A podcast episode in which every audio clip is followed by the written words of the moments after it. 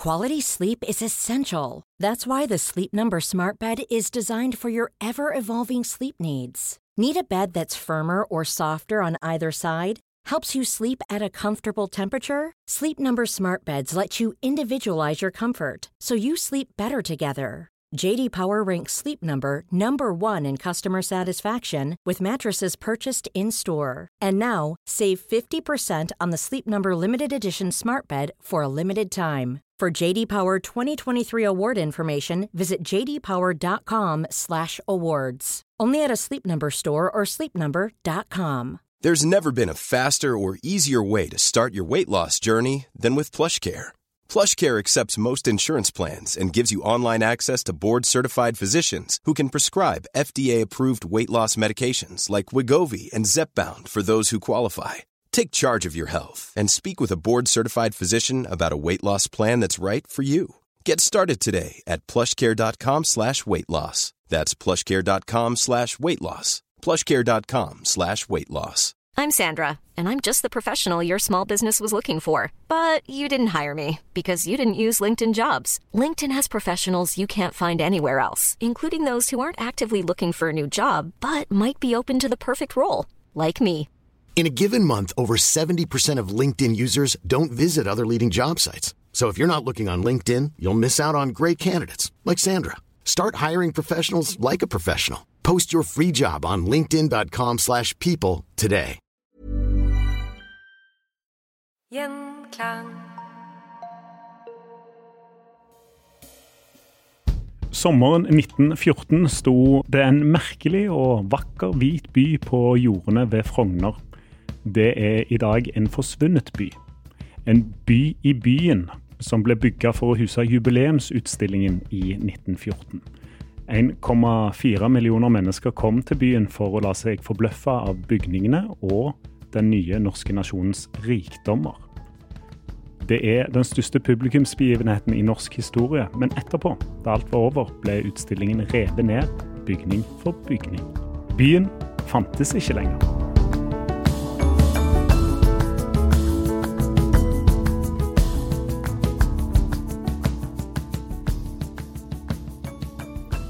Velkommen til Historier som endret Norge. Mitt navn er Christian Gilsvig, og velkommen til professor i medievitenskap ved Universitetet i Oslo, Espen Ytreberg. Takk skal du ha. Det er du som har skrevet boka 'En forsvunnet by', og eh, deler av denne innledningen er, er henta herifra.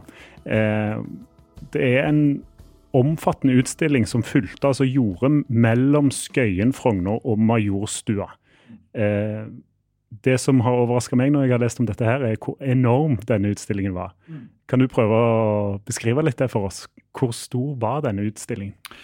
Ja, altså, det er jo ingen begivenhet, verken før eller senere i landets historie, der så mange har vært samla på samme sted. Eh, med klar margin, faktisk. Hvis vi eh, sammenligner med de andre aller største begivenhetene i norgeshistorien når det gjelder eh, personlig oppslutning, altså fysisk eh, deltakelse på stedet, så vil vi finne at det er noen ganske få andre begivenheter som har samla like mye folk. Eh, F.eks. OL. Eh, Ja. I, I helgene på OL så har det jo vært et sted mellom 100 og 120 30 000 på de mest besøkte dagene. Jubileumsutstillingen på Frogner varte altså i fem måneder. De hadde 100 000-150 000 stadig vekk. De hadde det på åpningsdagen, de hadde det på avslutningsdagen, de hadde det på mange av de mest besøkte helgedagene. Og til sammen snakker vi altså om eh, minst 1,4 millioner unike besøkende. Det kan godt ha vært flere, det var neppe færre. Eh, så mange har vi aldri sett på samme sted, verken før og ikke siden heller, for siden TV kom, så eh, er det ikke på tale at vi samles så mange fysisk. Da, nå samles vi jo mye mer gjennom skjermen. Og det gjør jo denne historien kanskje ekstra mer interessant, fordi det er så få som vet om denne utstillingen. Kan man eh, peke på noen årsaker til hvorfor? Eh, en grunn er jo den ganske konkrete og håndgripelige at utstillingen ble bygd for å rives. Og den er jo en del av en svær utstillingstradisjon. Mange har sikkert hørt om verdensutstillingene. Dette er jo på en måte en nasjonal variant av uh, verdensutstillingene. Og de ble jo uh, for det aller meste bygd opp for å være foreløpige. Det fins riktignok noen store og spektakulære spor etter dem. Eiffeltårnet for eksempel, ble jo stående igjen etter uh, verdensutstillingen i Paris i 1889. Men for det meste så ble det bygd for å bli reven, og uh, det ble jo reven her også, ikke sant? Så Vigelandsparken, sånn som vi ser den i dag, er jo svaret på hva man skulle gjøre etter den tomta som ble stående igjen etter jubileumsutstillingen. Det var planen hele veien. At, ja. Ja, mm. I 2014 så kom han jo litt opp i nyhetsbildet igjen, men da var jo fokuset den Kongolandsbyen, som jeg har forstått var en liten del av en del av den store utstillingen. Hva var i utstillingen? Ja, det er sannelig ikke lett å svare kort på. Nei, du kan for, bruke litt tid. For uh, uh, innledningsvis så kunne jeg kanskje si at uh, disse utstillingene var jo generelt laga for å vise bredden i hele samfunnslivet. Du fant, hadde bygninger for stat og bygninger for kommune, bygder for industri og for landbruk. Altså for alle de store aktivitetsområdene i samfunnet skulle liksom være representert. Og så var det en vekt på det som var nytt og flott og avansert. Og på jubileumsutstillingen så var det også et veldig sterkt nasjonalt fokus. For det var jo 1814 som man skulle jubilere for. Det var 100-årsjubileet. Så eh, det at utstillingen skulle summere opp Norge og representere Norge, var også veldig, veldig viktig. Men var det sånn at eh, de norske kommunene var representert i en bygning? Er det så konkret, eller? Ja, faktisk. Ja. Altså, du hadde noe som het kommunebygningen. da. Ja. Og så var det noen byer også som hadde sine egne ja. eh, hus prinsippet her er jo at eh, alle kan melde seg på eh, for å på en måte være med og representere landet med sitt. Uh, så finnes det en komité som styrer det hele fra ovenfra, og de har allerede bestemt seg for veldig hovedtrekkene i det. Og De har f.eks. bestemt at ja, industrien er kjempeviktig, den må ha sitt eget kjempestore hus. Kommunen og staten er veldig viktig, for de har vært med på å betale dette her, så de må få sitt eget hus. Så noen uh, hovedhus uh, har de allerede bestemt seg for, og så kan man melde seg på til å ha sine egne mindre hus, som f.eks. mange store bedrifter hadde. Uh, Hydro hadde det, margarinfabrikken Pellerin hadde det. Og så eh, kunne man også selvfølgelig melde seg på til å fylle utstillingen med innhold. Og da var det bedrifter og personer og organisasjoner fra hele landet som ble innbudt til å melde inn ting og fylle kommunehuset med, og fylle industrihuset med, fylle maskinhallen, landbrukshallen med. Og så hadde man en svær prosess med masse komiteer rundt omkring i hele landet som, eh, som eh, mottok eh, påmeldinger og silte og plasserte og sentraliserte dette hele, hele dette på Frogner, der hele stasen foregikk i sommerhalvåret 1914. Eh, det høres ut som en messe. Ja. Er, men, det, men, dette må jo være litt utover det jeg har eh, erfaringer på, på, på messenivå. Ja, altså Hvis du kan tenke deg en blanding av en messe, mm. et tivoli, ja. for det var masse underholdning der også, pluss en slags kavalkade over samfunnssektorer som hver har sitt svære bygg. Og hvis du da plasserer dette og gjør det så stort som en hel bydel, uh, og stapper det fullt med mennesker som blir informert og underholdt og opplyst og uh, har dette som et sted å samles og et sted å være, så begynner du å få en idé om hva denne typen utstillinger egentlig var. Mm. Hvem betalte for dette? I utgangspunktet så var det tenkt mer som en messe, egentlig, som du er inne på. For uh, ideen kom fra uh, businessfolk og handelsfolk i Oslo. Noe som heter Kristiania handels- og industriforening. Mm. Uh, som representerte business og bedrifter. Og de hadde lyst på en messe, og den skulle være stor, så da tenkte de vi vil ha en utstilling. For vi vil også ha underholdning for å trekke folk, og vi vil ha mat, og vi vil ha alle de tingene der som, som tilhører utstillingstradisjonen. Eh, som på denne tidspunktet hadde eksistert i eh, nesten 100 år, egentlig. Ja. Og det, det fantes utstillinger hele tida. Det foregikk i alle mulige land, mange hvert år. Og i Norge. Og i Norge. Det hadde, hadde vært eh, en god del utstillinger i Norge før dette, med forskjellig innhold og forskjellig størrelse. Så Kristiania Handels- og Industriforening bestemte at ja, nå vil, vil vi lage en, og vi vil gjerne at den skal være stor. Men de hadde jo problemer med å finne nok penger. Og på et tidspunkt så begynte de å nærme seg politikerne. Og eh, diskutere med norske politikere om de kanskje kunne få eh, støtte for å gjøre dette her veldig stort. Og da ble det bevilga nok penger i 1912 til at man kunne ha en nasjonal eh, utstilling. Stortinget bevilga da. Men da inngikk det i pakka at vi kunne ikke bare ha en messe, vi må ha et nasjonsarrangement. Eh, og det var det det ble. Det var I forbindelse med at politikerne gikk inn med penger, så gikk det fra å være et hovedsakelig økonomisk og handelsdrevet sak, til å være et spørsmål om nasjonal politikk, nasjonal identitet. Så norske skattebetalere da er med på å finansiere dette her. Byggverk som da blir bygd for å bygges ned igjen. Ja. Hvorfor var dette en god investering for Norge? Det er, eh, jeg bør jo si det, at det var jo ikke alle som mente at det var det. Nei. Eh, det, var, eh, det, det var noen som mente at dette ble for dyrt, særlig for en ting som ikke skulle vare. Blant annet så var man på venstresida, altså Arbeiderpartiet, som på dette tidspunktet er et veldig ungt parti og et veldig politisk radikalt parti, de, de, de var mistenksomme, for de tenkte at ja, men blir ikke dette her litt mer en sånn overklasse- eller borgerklasseparade?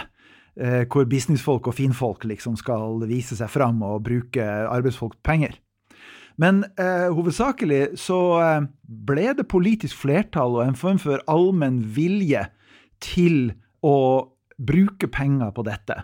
Og det tror jeg skal forstås i en eh, politisk og samfunnsmessig sammenheng. Altså, vi er jo nå eh, i en tid hvor Norge ganske nylig har blitt selvstendig. Det skjedde jo i 1905. Eh, utstillingen var i 1914. Og den politiske stemningen i Norge på det tidspunktet er jo utpreget nasjonalistisk. ikke sant? Man har drevet med et nasjonalt markerings- og frigjøringsstrev i 100 år, og så har man endelig fått uttelling. Og nå skal man innta en plass blant nasjonene, på en måte. Så eh, eh, utstillingen var motivert av nasjonalisme, men også av en form for behov for internasjonal markering. Vi er også et land, uh, legitimt land blant de moderne nasjoner. Vi er også avansert. Vi har også utvikla oss, vi er en del av det store framskrittet. Så hele denne store agendaen fantes det en enorm vilje til å, å markere, og en enormt bred oppslutning på. Også langt inn blant radikale folk som ellers kunne være mistenksomme. Mm. Når jeg har eh, lest om dette her, og, og så trekker jo jeg en sammenligning også litt med OL-prosessene, altså søknaden og sånne ting. Og nå eh, friskest i minne er jo det OL 2022 som aldri kom til, til Oslo, da. Men etterbruk og hvordan man skal liksom eh, forsvare ting økonomisk er jo veldig viktig i den debatten som leder opp mot en eventuell søknad. Det er at det er bestemt på forhånd at dette ikke skal stå. Og når jeg ser bildene i boka di, og liksom, det er jo flotte bygg, men er det, bare, er det, er det nesten bare kulisser og liksom Ja, altså, de har jo et eh, betydelig kulissepreg. ja. Det ser jo ut, de bygningene, uh, som om de er laga av mur og eh, eh, så å si er, er bygd for å vare. Ja. Men det er jo for det meste eh, eh, kulisser i den forstand at det er jo stort sett tre. Med sånn, eh, med sånn gipsplater, malte gipsplater utfor. Det er ikke lagd for å vare. Og den enkle grunnen til det, det er at det er enda mye dyrere å bygge noen ting for å vare. Ja, sant. Så det var jo en diskusjon når den utstillingen hadde, hadde gått seg til, og den var blitt veldig veldig populær. Så var det jo snakk om ja, men skal ikke vi beholde det? Det virker, eh, det virker jo eh, eh, meningsløst å skulle rive det ned. Men faktum var at hvis man skulle beholdt det, så måtte man eh, sylta enda mye mer penger ned i det. Og så mye penger eh, hadde ikke eh, det politiske Norge på den tida. Så det, det, lå på en måte i hele logikken at eh, dette skulle rives ned. Og dessuten kunne det selges, ikke sant? Ja. Du kunne selge materialene, du kunne selge inventaret, du kunne skaffe deg inntekter. Mens hvis man skulle latt det stå, så ville jo det bare blitt en masse, masse utgifter. Er det sånn som Arbeiderpartiet da frykter, at det blir en parade for borgerskapet? Nei, det blir det ikke. Uh, det blir uh, en sak for alle. Det er alt tyder på at denne utstillingen var svært populær i alle lag av folket. nå var det riktignok ikke sånn at alle hadde så å si lik tilgang. Hvis du skulle kjøpe deg et såkalt partukort, som er et sånt kort hvor du kan få deg ubegrensa tilgang, så måtte du betale såpass mye penger at en arbeider ikke hadde råd til det. Men prisen til en enkel inntreden etter en dag eller to, det var såpass rimelig at de fleste kunne ha råd til det. Og dessuten så var det mye sponsing av arbeidere. Arbeiderforeningene og arbeidsgiverne var, gikk ofte sammen i sånne spleiselag for å eh, være med og bekoste eh, delvis billettprisen og delvis reisen til og fra. Så det var veldig sånn spleiselagstemning rundt dette her. Dessuten så var det jo også en, måte, eh, noe, en del liksom sider ved utstillingen. Altså, den var jo lagt opp for å trekke også de brede lag.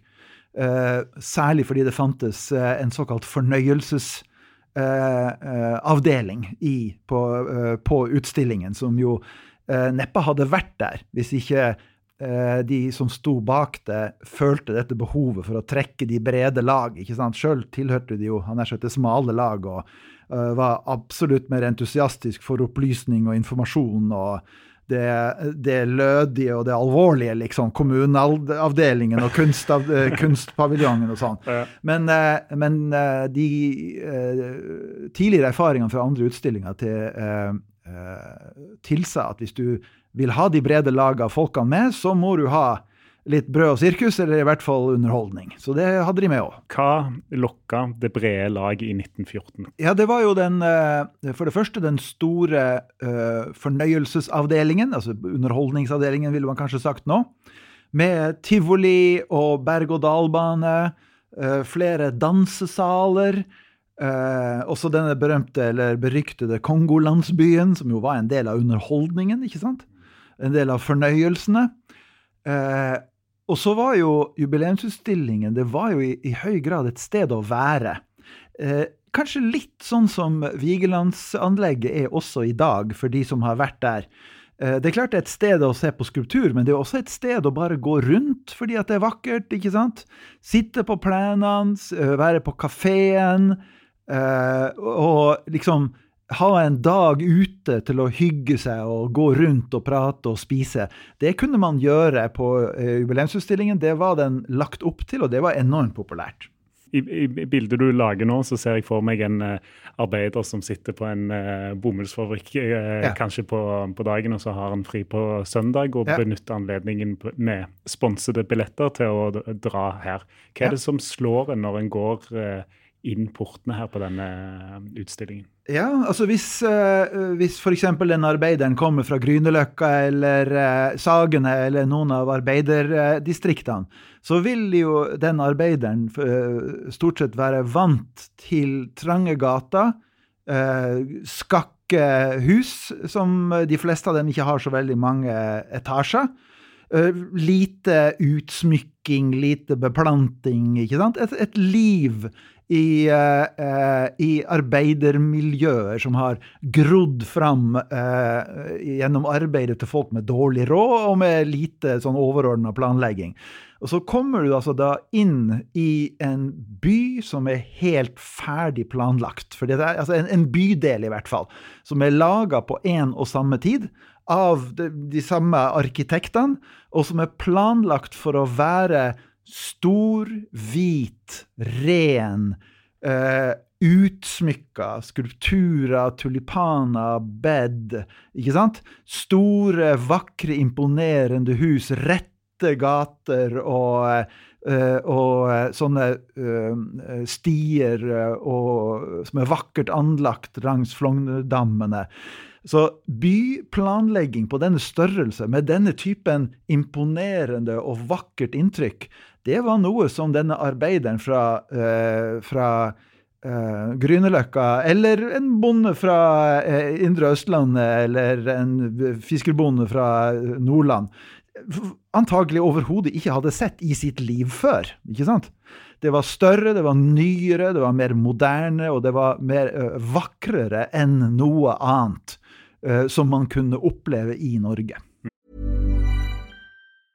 Life is full of awesome what ifs, and some not so much, like unexpected medical costs. That's why United Healthcare provides Health Protector Guard fixed indemnity insurance plans to supplement your primary plan and help manage out of pocket costs. Learn more at uh1.com. There's never been a faster or easier way to start your weight loss journey than with PlushCare. PlushCare accepts most insurance plans and gives you online access to board-certified physicians who can prescribe FDA-approved weight loss medications like Wigovi and Zepbound for those who qualify. Take charge of your health and speak with a board-certified physician about a weight loss plan that's right for you. Get started today at plushcare.com slash weight loss. That's plushcare.com slash weight loss. plushcare.com slash weight loss. Burrow is a furniture company known for timeless design and thoughtful construction and free shipping, and that extends to their outdoor collection. Their outdoor furniture is built to withstand the elements, featuring rust-proof stainless steel hardware, weather-ready teak, and quick-dry foam cushions. For Memorial Day, get 15% off your Burrow purchase at burrow.com slash ACAST and up to 25% off outdoor. That's up to 25% off outdoor furniture at burrow.com Turisme må jo være en, en del av dette. Så lokke til seg utlendinger må jo ha vært en strategi her. Eh, faktisk så endte det ikke opp sånn. Nei. Eh, det var den opprinnelige planen. Man skulle eh, en stund lage en nordisk utstilling, og man håpa å trekke til seg svensker og dansker og sånn. Mm.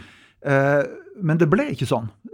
den eneste delen av utstillingen som uh, omfatta utlandet, og som trakk til seg en del utlendinger, det var uh, paviljongen for det utflyttede Norge, som den heter. Og da var det i realiteten særlig utvandrere til Amerika som, ja. som kom til Norge med de store båtene over Atlanterhavet for å besøke utstillingen. Men ellers så var publikum etter alt å dømme nesten utelukkende norsk. Og det er jo eh, noe av det som gjør det så utrolig at de var i stand til å eh, få så mange folk dit. Nesten, altså, nesten litt utrolig, da. Når ja. 1,4 millioner eh, minst. Ja. Og de er stort sett nordmenn. Og da, de, da, må de jo ha kommet fra hele landet. Ja. Altså, det uh, finnes i hvert fall to grunner til at dette her var mulig. Uh, det første er at den moderne transportinfrastrukturen, for å si det på fint, som vi holder oss med i Norge ennå i dag, veldig mye av den kom på plass i tiårene før denne utstillingen. F.eks. et nasjonalt jernbanenett. Uh, uh, på den tida fant fantes også et dampskipsnett uh, som gikk langs hele kysten. Og dette var jo for det første transport som dekka hele landet, og som for det andre var såpass rimelig at uh, det man litt vagt kan kalle vanlige folk, kanskje, faktisk hadde en sjanse. Så eh, Altså en sjanse til å være med og reise og bruke disse transportmidlene. Eh, fra denne tida så stammer jo også masseturismen. Altså, som jo rett og slett er at vanlige folk faktisk har sjans i en ferie eller i en langhelg til å dra langt for penger som de sjøl har tjent. Og det var akkurat det som skjedde Eh, eh, man hadde i Norge en infrastruktur som gjorde at det var mulig å massetransportere folk fra hele østlandsområdet og fra de største andre urbane sentrene i Norge. Altså Stavanger, Bergen-området, Trondheimsområdet. ikke sant? Sånn at eh, det faktisk fantes reelle muligheter for å flytte så mange folk fra hele landet, eller i hvert fall veldig store deler av landet. Det andre som gjorde dette mulig, det var eh, det som jo er spesielt interessert i siden jeg er mediehistoriker, nemlig mediesamfunnet. Som var såpass utvikla på den tida at det var mulig å informere om at noe sånt som utstillingen fantes. Uh, I medier som alle kunne kjøpe og alle kunne følge med på. Og uh, det at utstillingen ble vedtatt, at den var i ferd med å bli bygd, alt den kom til å inneholde, hvor flott den var, alle de tingene som man kunne snakke om, det var noe som eh, ble formidla i aktualitetsmedier eh, kontinuerlig. Som eh, eh, i prinsippet på mye samme måte som en, en stor olympiade vil bli formidla nå. I den forstand så, eh, så, er det jo sånn at mediesamfunnet eh, riktignok er noen ting som man forestiller seg er litt nytt, men eh, det er feil. Eh, mediesamfunnet det var fullstendig på plass i, eh, i 1914. Hvordan uh, brukte mediene da, og hvordan ble det reklamert for? da? Ja, altså De hadde jo uh, jubileumsutstillingen da det, da det, ble klart at det kom til å bli en nasjonal utstilling. Mm. Så satte de jo ned en masse komiteer uh, med å jobbe med forskjellige deler av utstillingen. Og blant annet så ble det satt ned en press- og reklamekomité.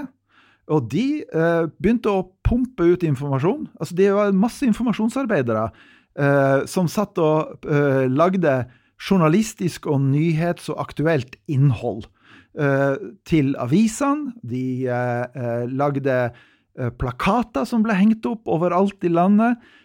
de begynte å få trykka masse postkort. Dette er jo postkortets store tid. Samla, avansert, omfattende kommunikasjonsstrategi som de holdt gående i to år til utstillingen åpna, også tvers igjennom og en god stund etterpå også.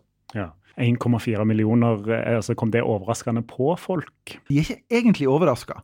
Men det har å gjøre med at denne utstillingstradisjonen er så enormt svær. Jeg vi, eh, blant de tingene vi har glemt når det gjelder disse utstillingene, var rett og slett hvor svære de var. Og når eh, eh, man kom så langt som til 1914, så hadde man jo hatt utstillinger som var, hadde Ja, i Paris 1900. Eh, også en utstilling som sto altså, i Paris i fem måneder over 50 millioner besøkende. 5-10 millioner. Flere enn de som bodde i, i, Frankrike på den tida. Så vi snakker rett og slett om et, et, et, en type begivenhet som er, rett, er, bare rett og slett er større enn hva vi, vår historiske fantasi strekker til å tenke seg. Ja. Og hva, og hva er grunnen til det? da? Du er jo medieforsker den tradisjonen funker fremdeles. Ja. Det er bare det at uh, den funker andre steder. Uh, de, det lages fremdeles verdensutstillinger, og de er fremdeles gigantiske. Men det lages stort sett ikke i Europa eller USA. Uh, den siste, som var i 2022, tror jeg, den var i en av de nye oljestatene på den arabiske halvøya. Og etter krigen, eller i hvert fall de siste 40-50 årene, så er det jo typisk de framvoksende nye stormaktene på andre steder i kloden eh, som, eh, som, har gjort dette her. Singapore, Sør-Korea eh, Altså nasjoner som har vært på vei opp og fram og vil vise muskler og vil si at vi er med, vi er store, vi er moderne, vi er, eh, vi er framskrittsnasjoner. altså veldig mye av det samme som vi hadde behov for å kommunisere for 100 eh, år siden at uh, dette blir et turistmål, da må jo ha gjort noe med liksom, arbeidsplasser og, og, Oslo by, eller Kristiania, da, som, som mm. destinasjon. Ja. Sånne utstillinger som dette her, de er jo byutvidelses- og byfornyelsesprosjekter. Altså, de endrer uh, rett og slett byen som de er i. Uh, fordi de er så store, og fordi det brukes så enormt mye penger, og fordi at det representerer mye arbeidsplasser. Eh, før jubileumsutstillingen kom, så var det jo bare jorda eh, på det som nå er Vigelandsparken. det var jo rett og slett rett utenfor byen. Så i forbindelse med at det ble bevilga penger til en jubileumsutstilling, så eh, utvida man byen. Man lagde Kirkeveien, man lagde en ny trikkelinje. Man, eh, man anla vann og kloakk og gjorde eh, alt det som man må gjøre offentlig for at en stor by skal kunne bli enda mye større. Og eh, som en del av dette så kommer det en masse nye arbeidsplasser. Eh, eh, byen får et annerledes preg, og byen ikke minst blir veldig mye mer attraktiv å besøke. Fordi at denne nye bydelen er på en måte som ingen av de andre bydelene eh, eh, er i Oslo, så er denne bydelen spesifikt laga for å være en attraksjon for å være et sted å besøke og for å være et, et sted å være turist i. Turist, turismen hadde jo faktisk sin egen paviljong på utstillingen. Ja. Så altså næringen turisme. Men den var jo samtidig en turistattraksjon. ikke sant? Man kunne se på flotte bilder av Norge og sånne panoramaer over norske landskap og, turist, og, og skigåing og seiling i skjærgården. Og det, var, det var en turistdestinasjon, utstillingen. Når jeg har uh, snakka med folk om ulike temaer om den nasjonsbyggingen som blir gjort og etter unionsoppløsningen, så uh, er det jo mange som trekker fram den lokale identiteten som blir styrka. Og jeg får òg inntrykk av at den òg på en eller annen måte blir styrka uh, på denne utstillingen. Ja. For når her kommer folk fra bygdene, og så får de plassert og sett et glansbilde av hvor flott vi har det Ja. hjemme, og så, blir de, så ser de det i et annet lys òg, kanskje. Ja, ja. Eh, I boka mi så forteller jeg bl.a. om en gruppe med bønder fra Hemnes i Nordland. Som, eh, eh, som får litt subsidiering av Småbrukarlaget som de er medlem i, og så legger de til litt penger sjøl, og så får de dratt til utstillingen. Og det de er interessert i, er jo landbruksutstillingen, for der kan de se kyr og husdyr fra andre eh, deler av eh, Norge. Og de kan gjenkjenne sine egne eh, buskap. Og de kan se liksom, sånne, sånne flotte, gedigne Hereford-kyr eh, som er importert, og som de kan beundre. Så de, de, de kan delvis gjenkjenne sitt eget.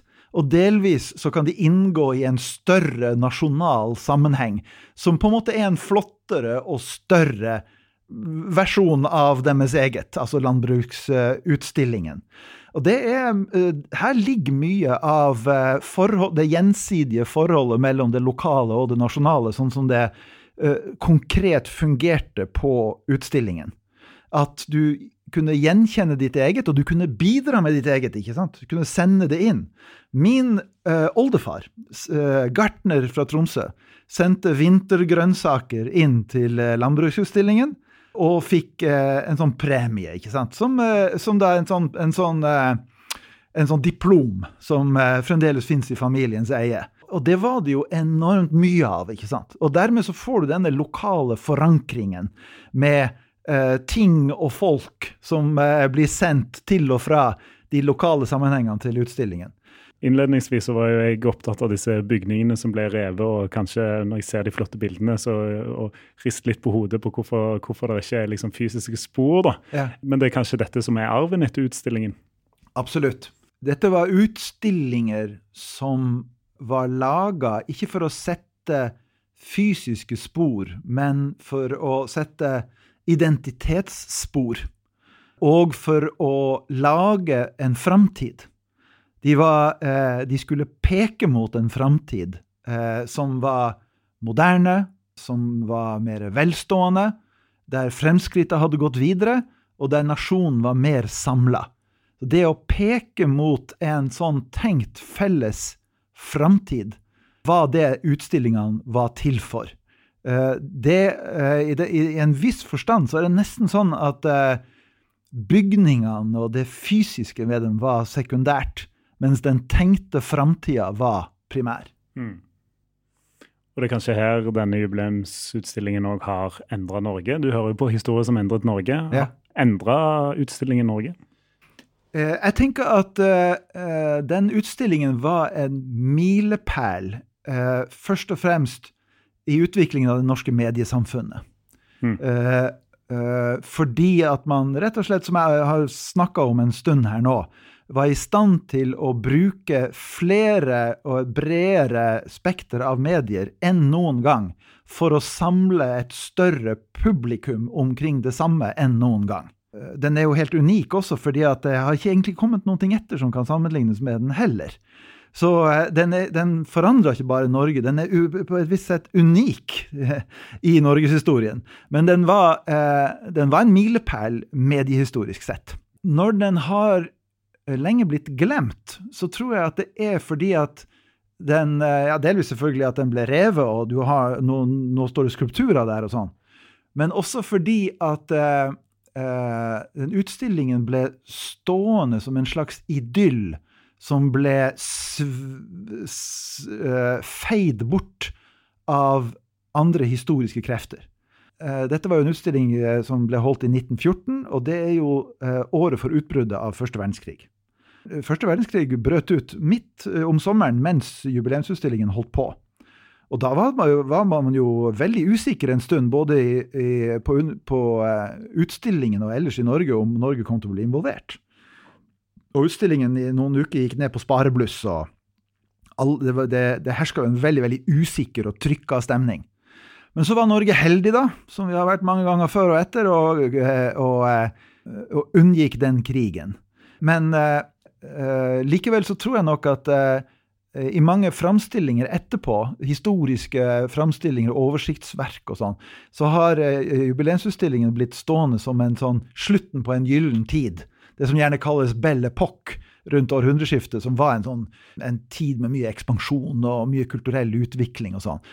Og så har man etablert og gjenfortalt en historiefortelling der som er litt sånn Vi hadde en idyll. Jubileumsstillingen var maks på den idyllen, men så kom krigen. Og i tillegg til at krigen kom, så kom jo Klassekampen. Eh, sånn at de der små protestene i utkanten eh, fra politisk radikale som, eh, som er mistenksomme til, over, til, overklassens pengeforbruk og sånn, det ble jo til en storm i mellomkrigstida med, eh, med, voldsomme klassekonflikter og en framvoksende arbeiderklasse. ikke sant? Og da, da har nok også jubileumsutstillingen blitt sett på som noe et uttrykk for en slags sånn borgerlig eh, og storborgerlig tid, og i noen grad en overklassetid, som da også igjen ble feid bort av klassekonfliktene og den framvoksende arbeiderklassen. Og det er jo reelt i og for seg, det. Men uh, senere historikere er jo interessert i litt andre ting. Jeg er mediehistoriker, jeg er interessert i mediesamfunnet. Og der tenker jeg at jubileumsutstillingen uh, slett ikke var noe som ble feid bort, men derimot er en, uh, en grunnleggende begivenhet i utviklingen av det norske mediesamfunnet. Kan det bli arrangert en utstilling igjen på dette nivået i Norge? Nei. jeg kan ikke forestille meg det. Jeg tenker at uh, Norges forhold til vår egen nasjonale identitet og fellesskap er såpass annerledes nå enn det var rett etter at Norge ble uh, selvstendig. At det er vanskelig å forestille seg at vi skal samles på noe som ligner den samme måten og de samme forutsetningene som da. Mm. Jeg tror uh, også at uh, det er nokså utenkelig uh, at vi skal samles på den måten, rett og slett fordi vi samles i mye mindre grad fysisk lenger. Vi samles i mye grad, større grad via skjermer. For eksempel så kan man jo se at det var jo mye større publikum, altså fysisk tilstedeværende publikum, på OL i 1952 i Oslo enn OL i 1994 i Lillehammer. Og hva har kommet i mellomtida? TV. Så eh, det er absolutt eh, mulig å samles fremdeles som et nasjonsfellesskap. Vi er jo avhengig av det i valg, f.eks. Men eh, nå eh, skjer det mer og mer eh, via skjerm, eh, sånn at vi er kommet inn ikke, vi, er ikke, vi, er ikke, kommet inn i mediesamfunnet, men vi er kommet inn i et, et, et annet stadium av mediesamfunnet der mer foregår gjennom eh, skjermer. Først TV-skjermen, og så de digitale skjermene, selvfølgelig, i dag. Mm. Da får vi i denne podkastbobla her eh, si takk til Espen Ytterberg, som har eh, og skrevet boka 'En forsvunnet by'. Veldig interessant lesning hvis du har lyst til å fordype deg mer eh, om det. Takk for at du tok deg tid til historier som endret Norge i dag. Selv takk.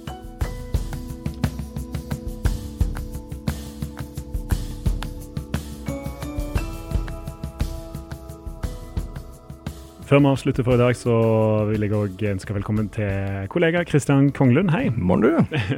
skal, du skal fortelle oss litt hva som skjer denne uken her i Historie som endret verden. Ja, Da skal vi faktisk eh, frem til fremveksten av legevitenskapen. Ah, ja. Altså hvorfor ble vi, hvor, og hvordan ble vi så friske som vi er i dag?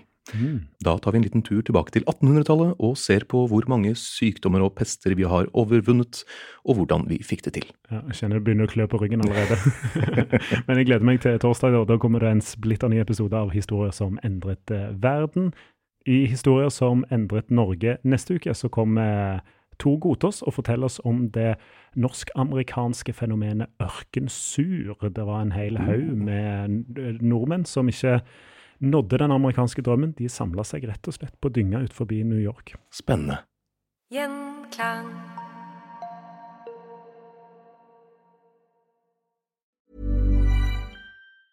Mom deserves the best, and there's no better place to shop for Mother's Day than Whole Foods Market. They're your destination for unbeatable savings, from premium gifts to show-stopping flowers and irresistible desserts. Start by saving 33% with Prime on all body care and candles. Then get a 15-stem bunch of tulips for just $9.99 each with Prime. Round out Mom's menu with festive rosé, irresistible berry chantilly cake, and more special treats. Come celebrate Mother's Day at Whole Foods Market.